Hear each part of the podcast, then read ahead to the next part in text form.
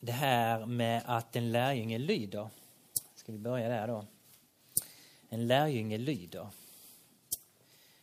Eh, och det här med lydnad, det handlar ju om hjärtat. Det står i Ordspråksboken 4 och 23 att över allt annat vakta ditt hjärta. För från hjärtat utgår livet. Alltså det är där själva livet utgår ifrån.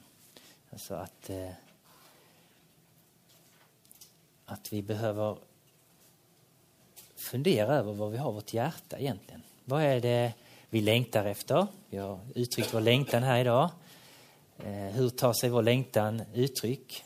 Är det längtan efter teknikprylar som i mitt liv som kanske tar över ibland? Och, eller är det längtan efter bekräftelse eller längtan efter att bli kändis, få sig ett namn, bli omtyckt, älskad?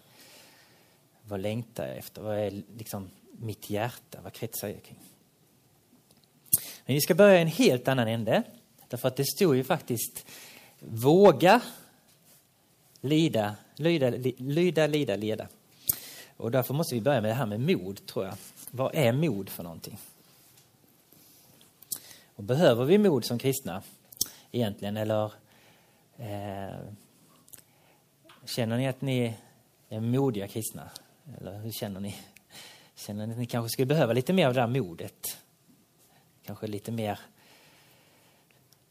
att eh, lita på att det faktiskt håller. Lite mer. Så. Men vad är då mod?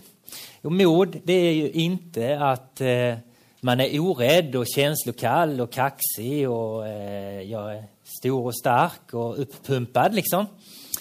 Mod handlar heller inte om att man inte är rädd. För det kan man mycket väl vara om man är modig. Människor som har räddat livet på människor. Kanske brandmän som har räddat livet på en annan människa i, eh, ur en eld har riskerat livet och varit kanske rädd för att mista sitt liv. Eh, poliser som ger sig ut i områden där det, där det är totalt kaos kanske gör det med livet som insats och kanske till och med är rädda även om de inte visar det alltid utåt. Så, så det, är inte, det handlar inte om att inte vara rädd men det handlar om att man vet att trots att jag är rädd så, så behöver jag ta det här steget för att det är så oändligt viktigt. Det är så mycket viktigare än till och med mitt liv. Det kan få kosta livet så stort är det. Så mod handlar också om att sluta titta så mycket på mig själv. Den här lilla bilden här ser vi en gubbe som, vi ska föreställa en gubbe då, som, eller gumma som tittar på sig själv. Eh, där det bara handlar om mig. Och det är klart att tittar jag på mig själv då kan jag ju bli rädd. Då kan jag ju undra vad ska jag kunna åstadkomma? Eh, hur ska jag kunna liksom överhuvudtaget förändra den omvärld som jag har i min närhet? Eh. Men det handlar om att titta, lyfta blicken och titta på Jesus. Att flytta blicken från mig till att börja titta på Jesus. Se, se vad Gud kan, vad Gud förmår. Det är mod. Att våga gå på det Jesus säger och lita på att det faktiskt bär. Trots att jag är lite rädd och det kanske är lite skakigt att vara lärjunge ibland. Tycker du det Martin? Ja. Modig eller modlös kan man då fråga. Vad är skillnaden mellan modig och modlös? I Bibeln så står det en del om modlöshet. Eh, andra Timoteusbrevet 1, vers 7 säger Paulus så här att Ty den ande som Gud har gett oss gör oss inte modlösa utan är kraftens, kärlekens och självbehärskningens ande. Eh, det står i, folk, i levande bibeln att den heliga ande som är Guds lova, gåva till oss känner ingen rädsla utan fyller oss med kraft, kärlek och självövervinnelse. Alltså vi, vi ska inte tappa modet, vi ska inte vara modlösa utan vi ska vara eh, frimodiga istället.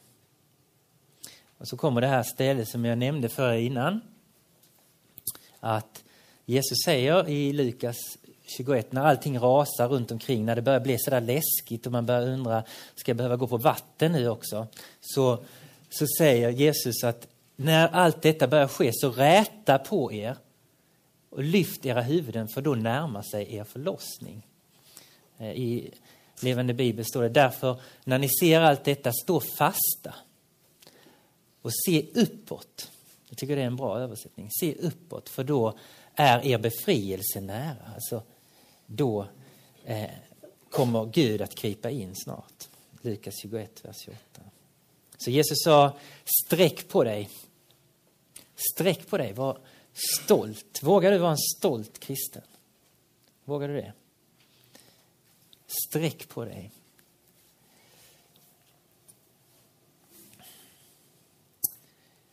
Um, se upp. Se inte på dig själv, för om vi tittar på oss själva så blir vi lätt självcentrerade. Vi kan bli självupptagna. Eh, och då blir man också ofta ganska modlös om man tittar på sig själv. Man undrar, hur ska jag kunna förändra någonting? Vem är jag att kunna klara av det här? Och så. Eh, titta inte på alla andra, hur de gör och hur de... Eh, för då blir man också lätt förvirrad och splittrad som människa. Se upp, lyft blicken, se på Jesus och du kommer att märka att, att han kommer också att hjälpa dig att att alla saker faller på plats. Ehm.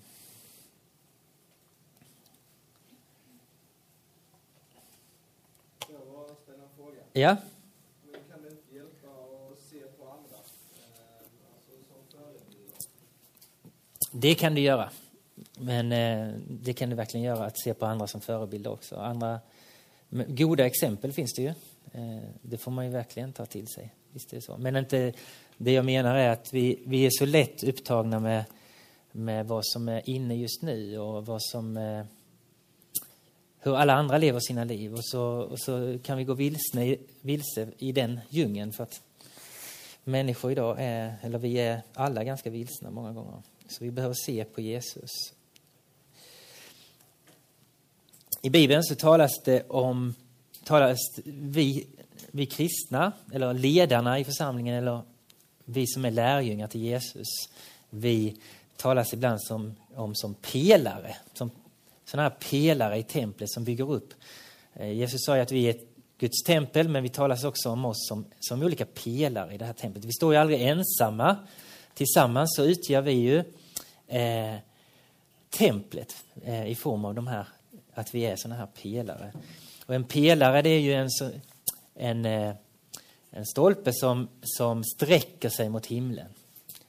Så man kan tänka att en pelare i Guds församling det är en som har huvudet i himlen och fötterna på jorden. Alltså vi, vi ska givetvis leva i den tid vi lever i. Vi ska möta vår samtid. Vi ska, eh, som du sa här, att vi, man, det kan vara bra att titta på vad, vad, som rör sig runt omkring. Men det är inte det som, som ska uppta våra tankar och vår längtan och, och vara vår drivkraft, utan det är det som ligger på Jesu hjärta, det som rör sig i himlen, det som är eh, hans längtan och hans vision. En annan bild som, jag, eh, som man kan ta här är om man tänker sig en jägare eller en soldat. Så, så var det så med jägare, i alla fall förr, att, att, eh, att man la örat mot marken eh, för att eh, höra när, om vilddjuren eh, närmade sig, om, om vargarna eller om björnarna var på gång, så, så lyssnar man mot marken. Är det något på gång här? Eller, och likadant med soldater, om de var ute i fält så, så la man örat mot marken för att höra var rör sig fienden här i närheten nu? Eh, är fienden på gång? Och så hade man ett öra då riktat mot himlen. Och så får vi också leva våra liv, att vi får vi får ana vad som är på gång. Vi får vara uppmärksamma på, på fiendens rörelser, trupprörelser i vår tid. Eh, när, när vi märker att eh, olika områden i våra liv utmanas, kanske att vi, vi eh, får vara uppmärksamma på det. Men vi får också lyssna in vad som ligger på Guds hjärta, vad Gud längtar efter att vi gör. Det gör vi i, i bibelordet, men det gör vi också när vi träffas och ber tillsammans. Så kan vi, kan vi också lyssna in eh, vad som ligger på Guds hjärta. Nu försvann det.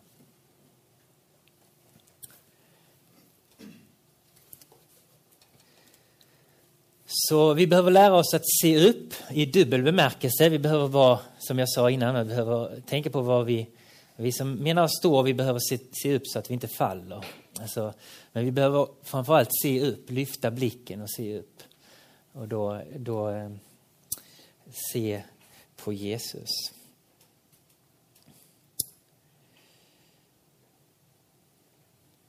Vad innebar det då att följa Jesus? Vad innebär det här? Följ mig. I eh, Lukas 5 möter vi Levi. Eh, när Jesus sedan gick ut såg han en publikan som hette Levi sitta vid tullhuset. Han sa till honom, följ mig. Då lämnade Levi allt och steg upp och följde honom. Det handlar alltså om att lyda. Tro handlar om att lyda. Det handlar om att släppa taget. Levi han släppte ju taget om allt det som var hans liv. Och så gick han och fick ett nytt liv. Han började följa Jesus. Så det handlar om att bryta upp från mig själv. Det här, jag kan själv. Eh, som vi ser här.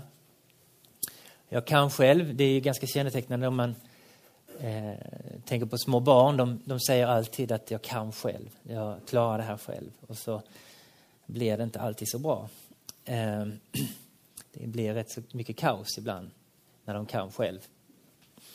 Och eh, Jesus han säger att vi ska gå ifrån att kan själv till att följa honom, följ mig. Eh, så det handlar om att bryta upp ifrån sig själv, att släppa eh, fokus på mig själv och börja följa Jesus. Eh.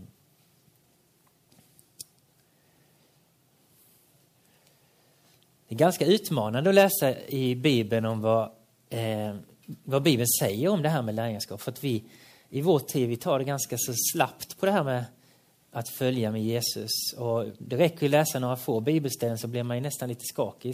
Alltså, är det verkligen så här tufft? Eh, men då ska man veta att Jesus är den ledare som har ställt tuffast krav på sina efterföljare någonsin. Men det beror ju också på att Jesus är Gud själv. Så han, är ju, han kan ju också säga att jag har levt det där livet för dig. Han säger inte bara lev det här livet och så lämnar han oss i sticket. Utan han, han säger lyd mig, eh, var min lärjunge, följ mig så kommer jag beskydda dig i ditt liv. Kommer jag leda dig genom livet så att du kommer få precis det liv som, som är, är det, det mest fria liv du kan tänka dig. Det mest eh, tillfredsställda liv du kan tänka dig. Det är det Jesus längtar efter att ge oss. Han längtar inte efter att ge oss ett tråkigt liv eller, ett, eh, eller sabotera våra liv. Utan han längtar efter att vi ska få, få uppleva så mycket underbart som möjligt i livet. Och det är därför han kallar oss ut på det här äventyret. Tror ni att Petrus hade haft ett roligare liv om han hade suttit kvar i fiskebåten hela livet? Eller om han gick ut och följde Jesus? Vad tror ni?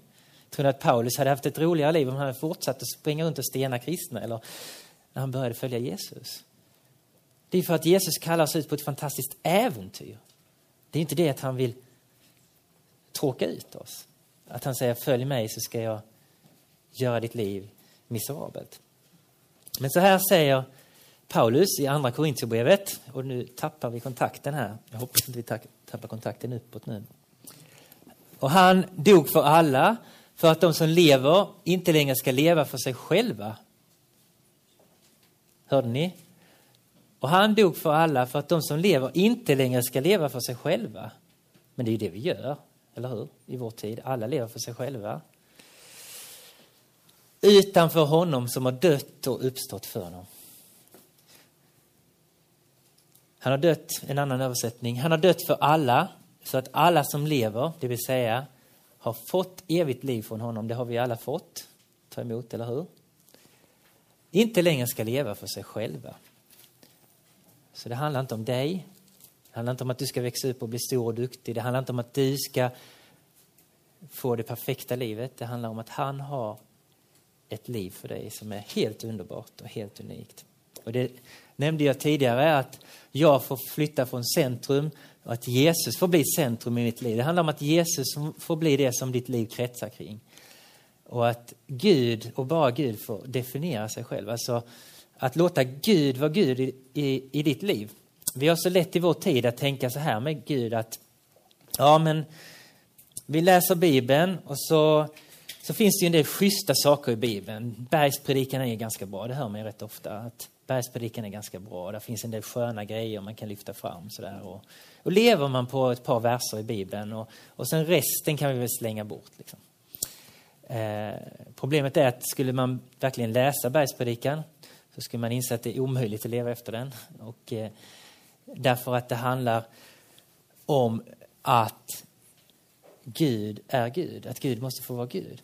Eh, och jag tror att vi behöver ibland skrota våra gudsbilder, en del av våra bilder av Gud och börja låta, när vi läser Bibeln, bara låta Gud få, få visa själv vem han är.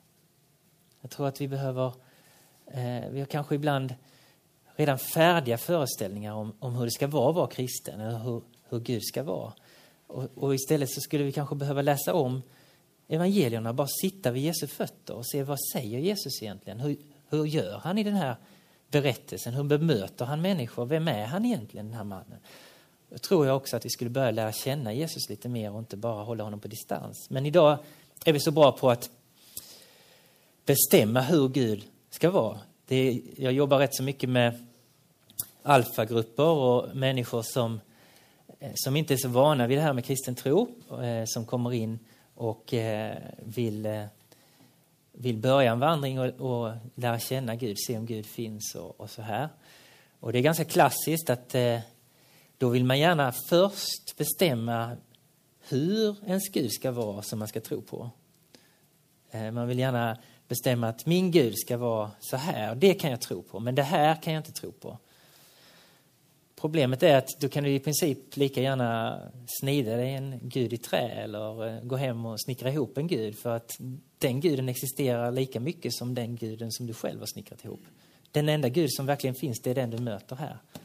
Och verkligen möter när du vågar låta honom utmana ditt liv. Och låta honom vara Gud. Däremot så har människor som kommer till tro på Gud inga problem med att tro att, att Jesus har uppstått från de döda. Därför att om du ber till Jesus och märker att Jesus svarar, att han finns där.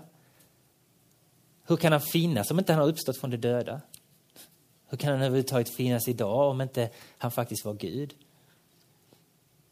Så vi behöver sluta med att snickra ihop våra egna gudsbilder och börja låta Gud vara Gud och låta Gud få platsen på tronen i våra liv igen. Att tro, det är faktiskt att lyda. Att tro är att lyda. Om du läser evangelierna eh, och följer vad det står om tro så, så kan du nästan byta ut det på, på ställe efter ställe med att lyda. Och du kan göra tvärtom också när du ser att de lydde eller de, de följde efter eller de gjorde som Jesus hade sagt så kan du skriva tro istället. Det är samma sak. Så tro och lydnad det hör väldigt nära ihop.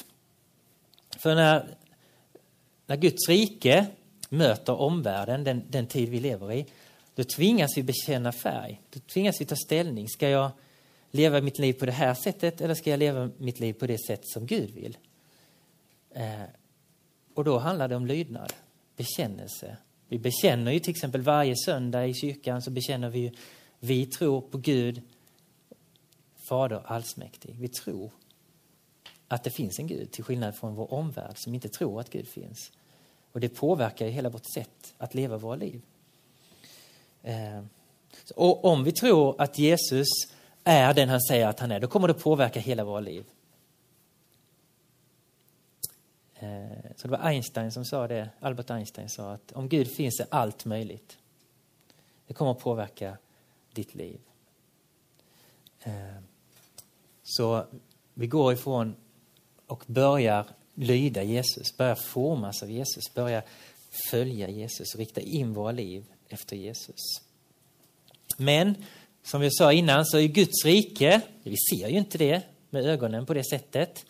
Därför så kan ju inte tro heller vara någonting konkret alltid på det sättet att, att vi ser Jesus fysiskt här. Så är det ju inte.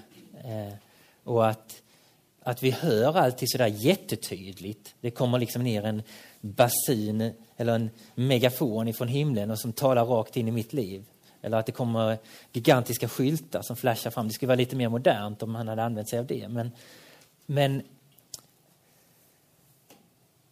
tro det är en övertygelse om det man hoppas, en visshet om det man inte kan se. Alltså, det handlar ju om någonting som man har erfar i det andliga, så att säga.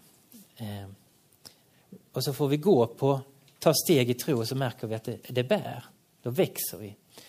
Eh, om vi till exempel provar att kasta oss ut, provar att, eh, att gå på någonting som Gud har uppmanat mig att göra, så kan vi märka att det bär och så växer vi. Ehm. Det här handlar ju då också, att lyda, det handlar ju också om att stå emot lögnen och vi ska landa i det här eh, på slutet av det här passet. Att stå emot lögnen. Eh, I Lukas 4 i evangelierna, i Lukas evangeliet så ser vi hur Jesus han använder Bibeln hela tiden. Han använder Guds ord hela tiden. Eh, och då ska vi veta det att Jesus han hade ju inte vår bibel. Utan för Jesus så var det ju Gamla testamentet som var Bibeln. Och Jesus han tror att Bibeln är Guds ord. Det är liksom Guds tilltal till mänskligheten. Det är det sätt som människan kan bli räddad på. Det är liksom genom att ta till sig det som står i Bibeln. Det är så mänskligheten skulle räddas. Eh, och därför så, när vi blir kristna så får vi också ta till oss av hans sätt att se på Bibeln och, och eh, få hans bild av, av Bibeln. Ehm, men när Jesus han är frestas i öknen i Lukas 4 så håller han upp Bibeln hela tiden som, som eh, emot sanningen står han fast vid, mot lögnen. Och sanningen hittar han hela tiden i Bibeln. Han besvarar lögnen med sanningen. Så det handlar om att stå emot trycket i vår tid. Det är väldigt mycket lögner idag. Eh, vi tänker kanske inte alltid på det. Eh, men vi behöver stå emot trycket, vi behöver bemöta lögnen med sanningen. Och det kan vara kämpigt ibland att stå emot lögnen. Eh, och det är inte alltid så lätt att avslöja lögnen i sitt liv. Och vi ska snart bli mer konkreta i vad lögner kan vara. Lögner kan ju vara till exempel att, att eh, vad man kan höra av sin omgivning att, att, att du är ful eller att du är tjock eller att du är totalt värdelös. Sådana saker kan det vara. Det kan vara lögner i ditt liv. Och sådana saker kastar människor på varandra om de inte står i sanningen. Om de inte lever i sanningen. Och därför så är det väldigt mycket så i vår kultur idag, eller hur? Att det är väldigt mycket det blir mer och mer eh, att man kallar varandra för för eh, hora eller tjockis eller allt möjligt. Istället för att se varandra som man verkligen är. Säga sanningar om varandra istället. Och Det kan vara ett tryck, och det är ett tryck, det märker ni, det vet ju ni, för det, det märker ni varje dag ni kommer in i klassrummet, att det är ett tryck mellan lögnen och sanningen, eller hur? Ni står ju mitt i den här kampen. Och det trycket kan vara ganska hårt. Och därför behöver vi lära oss att ställa oss i sanningen. Eh, så här säger Jesus i Johannes evangeliet. Om ni förblir i mitt ord är ni verkligen mina lärjungar. Och ni ska förstå sanningen och sanningen ska göra er fria. Det handlar här om att man får ställa sig i sanningen. Det står även att ni är verkligen mina lärjungar om ni lever som jag säger er att ni ska, ska och ni kommer att förstå sanningen och sanningen ska göra er fria. Det som Jesus begrepp, använder som begrepp här, det handlar om att man ställer sig i sanningen, att man ställer sig i ljuset. Eh, och så låter man Jesus, låter man sanningen drabba mitt liv. Det är inte sådär jätteskönt alltid, eller hur? Därför så gör sanningen oerhört ont, sanningen om mitt liv. För jag, när jag tittar på mitt liv så ser jag att jag misslyckas ju gång på gång. Det är sanningen om mitt liv. Jag klarar inte av det här med att vara lärjunge till Jesus. Jag är inte så där jätteduktig på det. Ehm, vi behöver ställa oss i sanningen och vi behöver ha modet att stå kvar där i sanningen. Stå där när, när lögnen har sagt till mig att du är värdelös så behöver jag ändå stå där och låta Jesus säga till mig, du är dyrbar, du är värdefull för mig. Även om det gör ont, och även om det så eh, kan vara tufft att stå kvar där, så behöver vi stå där. Varför ska vi då stå i sanningen? Jo, för att om vi inte, om vi lever som alla andra, om vi håller på att kasta saker på varandra, kallar varandra för värdelösa, kastar de här lögnerna som vi har runt omkring oss på varandra, då sprider vi inte Guds riket. Då sprider vi ju motsatsen.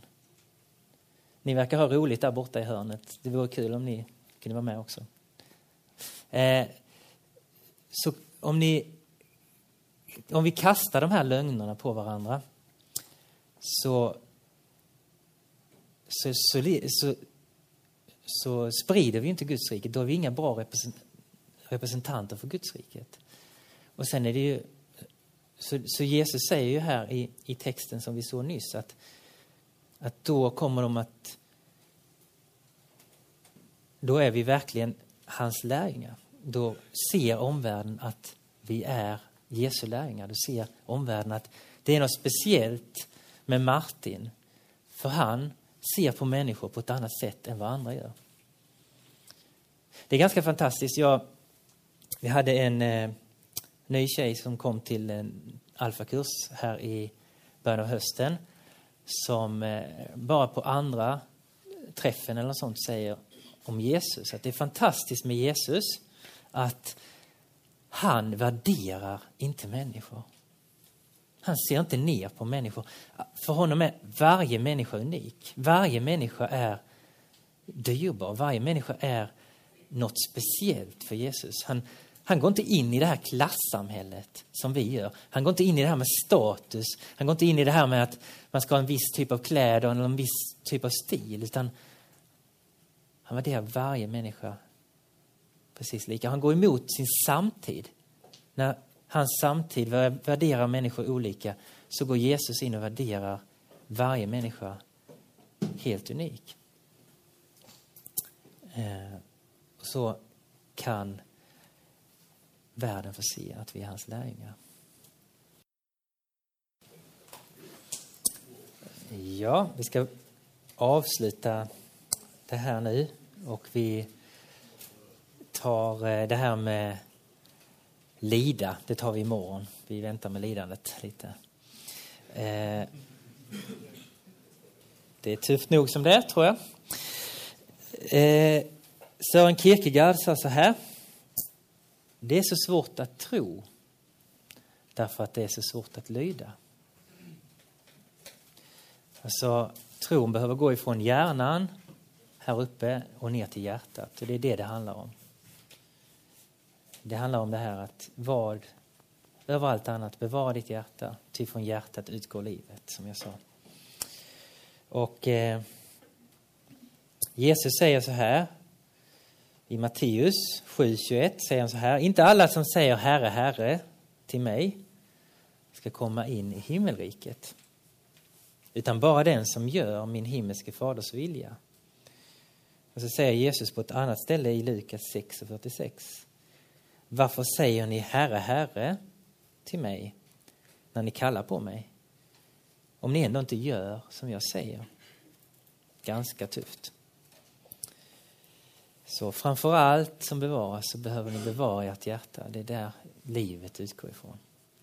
Jag tycker det finns en så fin bild på det här med att ställa sig i sanningen, att låta Jesus få, få göra oss, våra hjärtan rena.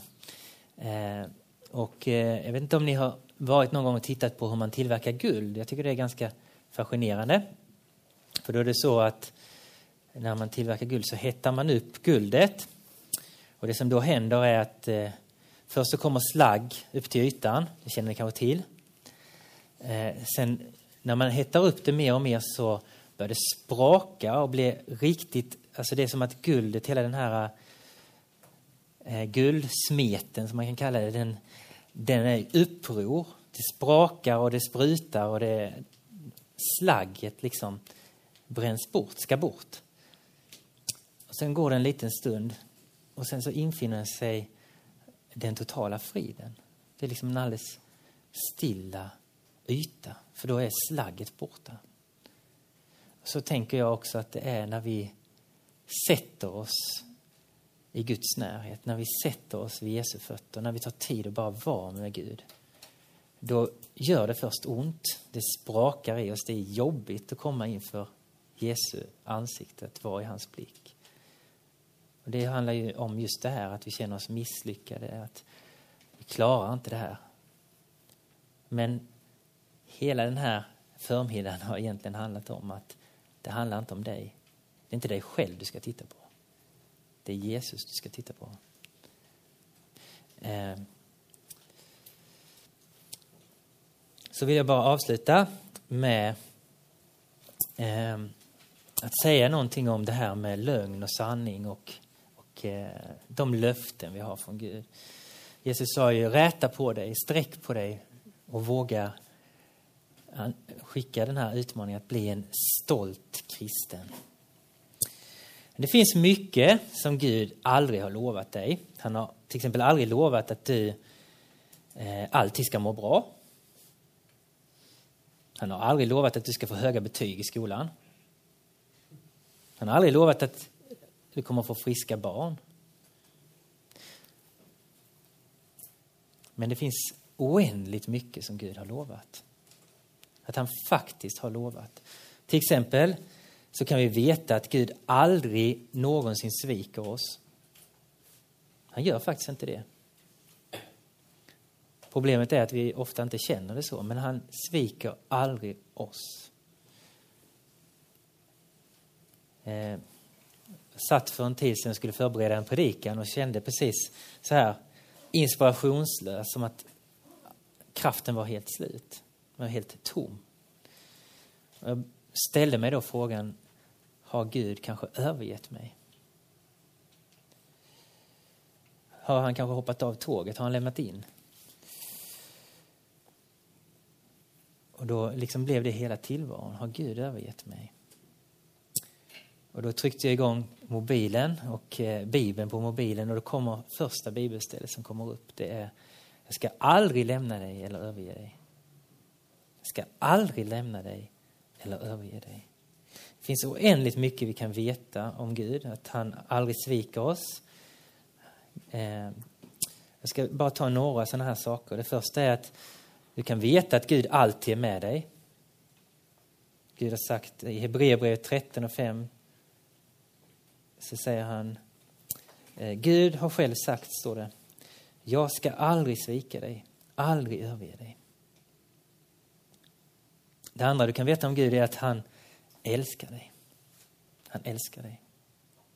I Johannes 3 och 16. Så älskade Gud världen att han sände sin enda son för att de som tror på honom inte ska gå under utan att ha evigt liv. Gud älskar dig. Det tredje du kan veta är att Gud, att ingenting kan skilja dig ifrån Gud. Ingenting Absolut ingenting kan skilja dig från Gud. I Romarbrevet 8, 38-39 står det, ty jag är viss om att varken död eller liv, varken änglar eller andemakter, varken något som finns eller något som kommer, varken krafter i höjden eller krafter i djupet eller något annat i skapelsen ska kunna skilja oss från Guds kärlek. Ingenting kan skilja dig från Gud. Det Fjärde du kan veta att Gud förlåter dig allt, alla dina synder. Det står i första Johannesbrevet 1 och 9. Om vi bekänner våra synder är han trofast och rättfärdig så han förlåter oss synderna och renar oss från all orättfärdighet.